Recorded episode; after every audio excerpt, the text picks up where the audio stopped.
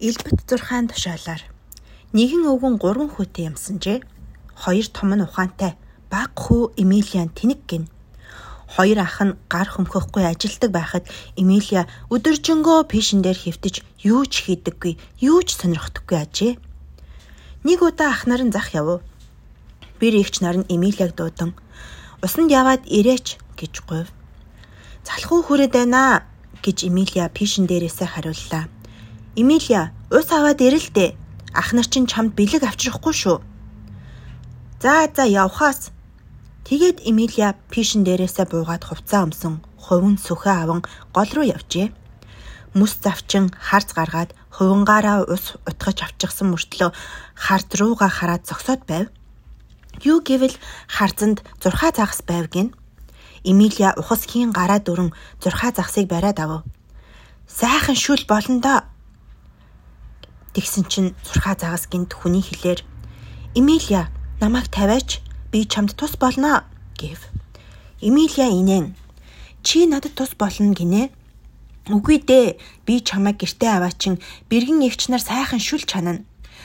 Зурхаа загас дахин гуйсан нь Эмилия Эмилия намайг тавьчаач дээ. Юу хүснэг чинь би цүмийг биелүүлээ гэлээ. За за харин чи эхлээд худлаа хэлээгүй гэдгээ үзүүлэдэх Тэгвэл 50 гэж Эмилия хэлв. Зурхаа загас. Эмилия, Эмилия, одоо чи юу хүсэж байна гэж асуув. Хувинтай ус минь цалгилгүйгээр хурдан явж хариг гэж хүсэж байна. Тэгвэл чи тогтоож ав. Ямар нэгэн хүсгээрээ Эмилия миний хүслээр Илбэт зурхаан тушаалаар гэд хүссэн юма хэлж бай гэж зурхаа загас зааж өгв. Эмилия миний хүслээр элбэт 6 тушаалаар хувинтай ус минь өөрөө хурдан явж харигтун гэж Эмилияг дөнгөж хэлмэгц хувингууд нь өөрсдөө гэрийн зүг явв. Эмилия 6 загсыг харцанд буцааж тавиад хувингуудынхаа араас явлаа. Хувингууд өөрсдөө явж байгааг тосгоныхан хараад гайхан шуугилтна. Эмилия ард нь инээмсэглэн алхана. Хувингууд герт ормогцоо өөрсдөө вандан дээр тавигдав. Эмилияч пишин дээр гарцав. Бэргэн эгч нар нь дахиад л Чи яагаад хөвтөд байгаа юм бэ? Гач түлээ хагалвал дээрсэн гэв. Залхуу хүрээд байна гэж Эмилия хэлв. Түлээ хаглахгүй бол ах нар чинь чамд бэлэг авчирж өгөхгүй дээ. Эмилия пишин дээрээсээ буухаас дургүйхан байснаа гинэт зурхаа загсыг санав. Тэгээд Эмилия миний хүслээр элбэт зурхаан тушаалаар хангинуур сүх гарч түлээ хагал хагалсан түлээ өөртөө пишинд орогтон гэв. Сүх ванданд ороос үсрэн гарч түлээ хаглав. Хагалсан түлээ өөртөө пишэнд орж өргөдөг гин. Бэргэн эгч нар нь дахиад л Манай түлээ дууслаа. Ууланд очиж мод авчир гэлээ. Та нар өөртөө авчрахгүй юу гэж Эмили хариулв. Түлээнд им хүн явдаг юм уу гэж эгч нар нь хэлв. Залхуу хүрээд байна гэж Эмилийг хэлэхэд тэгвэл чамд бэлэг авчирч өгөхгүй дээ гэж бэргэн эгч нар нь хэлв. Яах ч арга байсангүй. Эмилия пишин дээрээсээ бууж дулаан хувцас өмсөөд олс сүх аваад гадаа гарч чарга дээрээ суугаад "Хөөй, хаалга онгоолгоорой" гэж хашиграв. Эх, тэнэг минь морио хөллөөгүй байж чарган дээрээ суучдаг чинь юу вэ гэж бэргэн эгч нар шуугилдав. Надад морь хэрэггүй. Бэргэн эгч нар нь хаалгаа онгоолгов Эмилия аманда. Эмилия миний хүслээр элбэт 6 тушаалаар чарга минь ойруу давх гэж хэлв. Чарга нь өөрөө хаалгаар гаран давхилаа. Харавсан сум шиг хурдлаа. Тосгоныхоо дундуур цас манарган давхиж торч тэгэлсэн хүнийг дайч тулхан өнгөрөв. Хүмүүс бариад ав бариад ав гэж хашгиралдана. Эмилия энэ бүгдийг огт тоосонгүй. Чаргаа шавдуусаар ойд ирлээ. Эмилия миний хүслээр элбэт 6 тушаалаар хурц цангинуур сөхмөн хуурай мод хуглан завч унсан модод чарган дээр хураагд урт олсоор уягдан дарагд гэж Эмилия хэлэхэд сүх гурай мод завчин унгаж унсан мод түлээ чарган дээр ачигдж уяа олсоор уягдан дарагдав гин. Дараа нь Эмилия сүхэндээ өргөж даах үед бороохоо завчиж өг гэж тушаав. Тэгээд л Эмилия миний хүслээр элбэт 6 тушаалаар чарга минь гэрлүүгээ давхаад гэж шивнэв. Чарга нь гэрийнхээ зүг хурдлан тахив. Дахиад л нөгөө хүн амтныг дайч түлхэн унагсан гудамжаараа өнгөрч явтал тэнд уурлаж өшөрсөн хүмүүс хүлээж байв.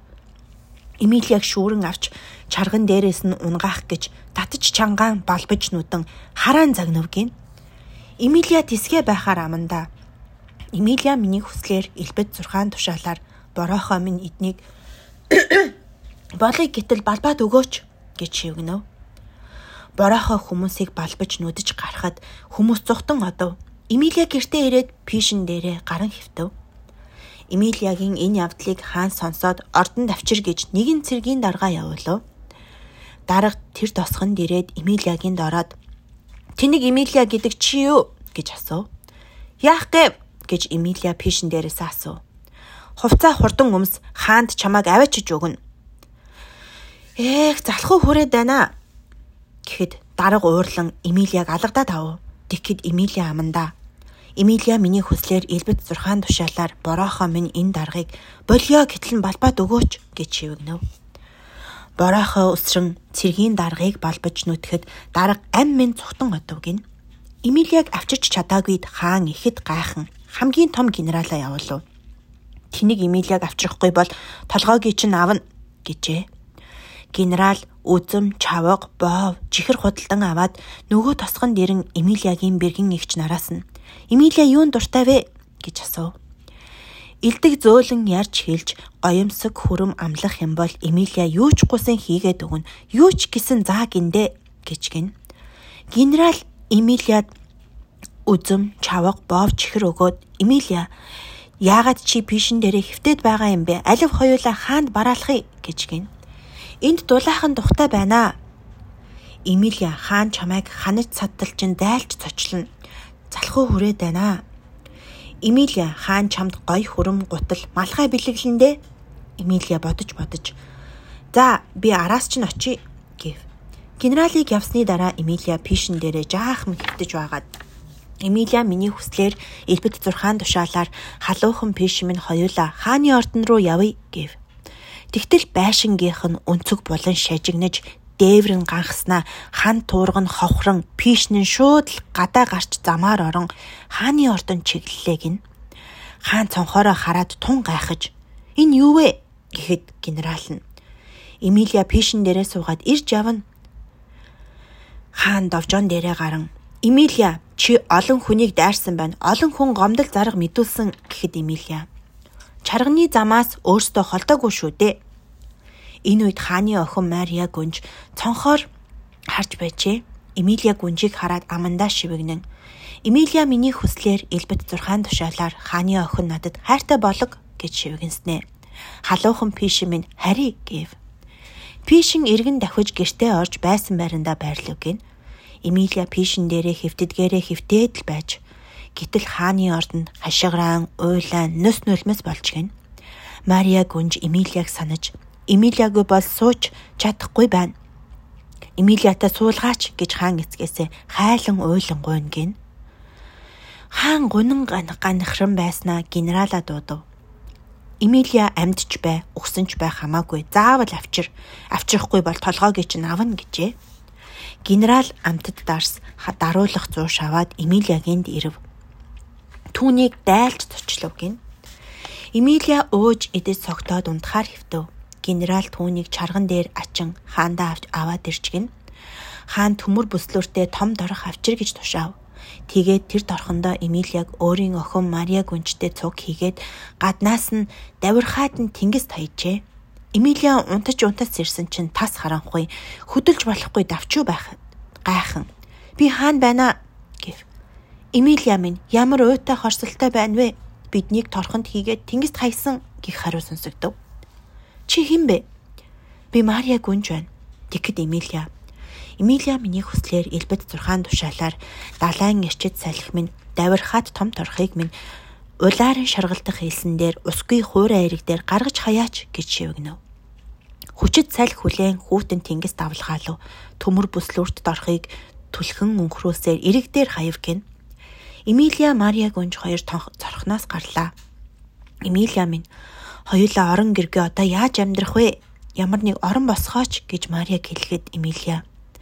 Залхуу хүрээд байна гэв. Мария дахин дахин гуйхад Эмилия.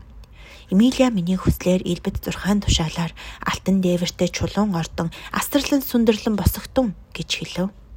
Түүнийг ингэж хэлмэгт алтан дээвэртэй чулуун ордон асралан сүндэрлэн босов гин.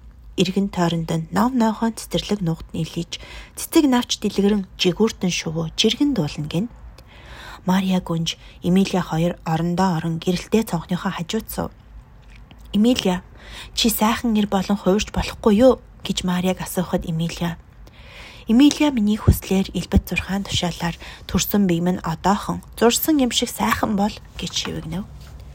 Эмилия тэр даруйхнаа үлгэрт хэлшгүй, үзгээр бичишгүй сайхан залуу болов гин.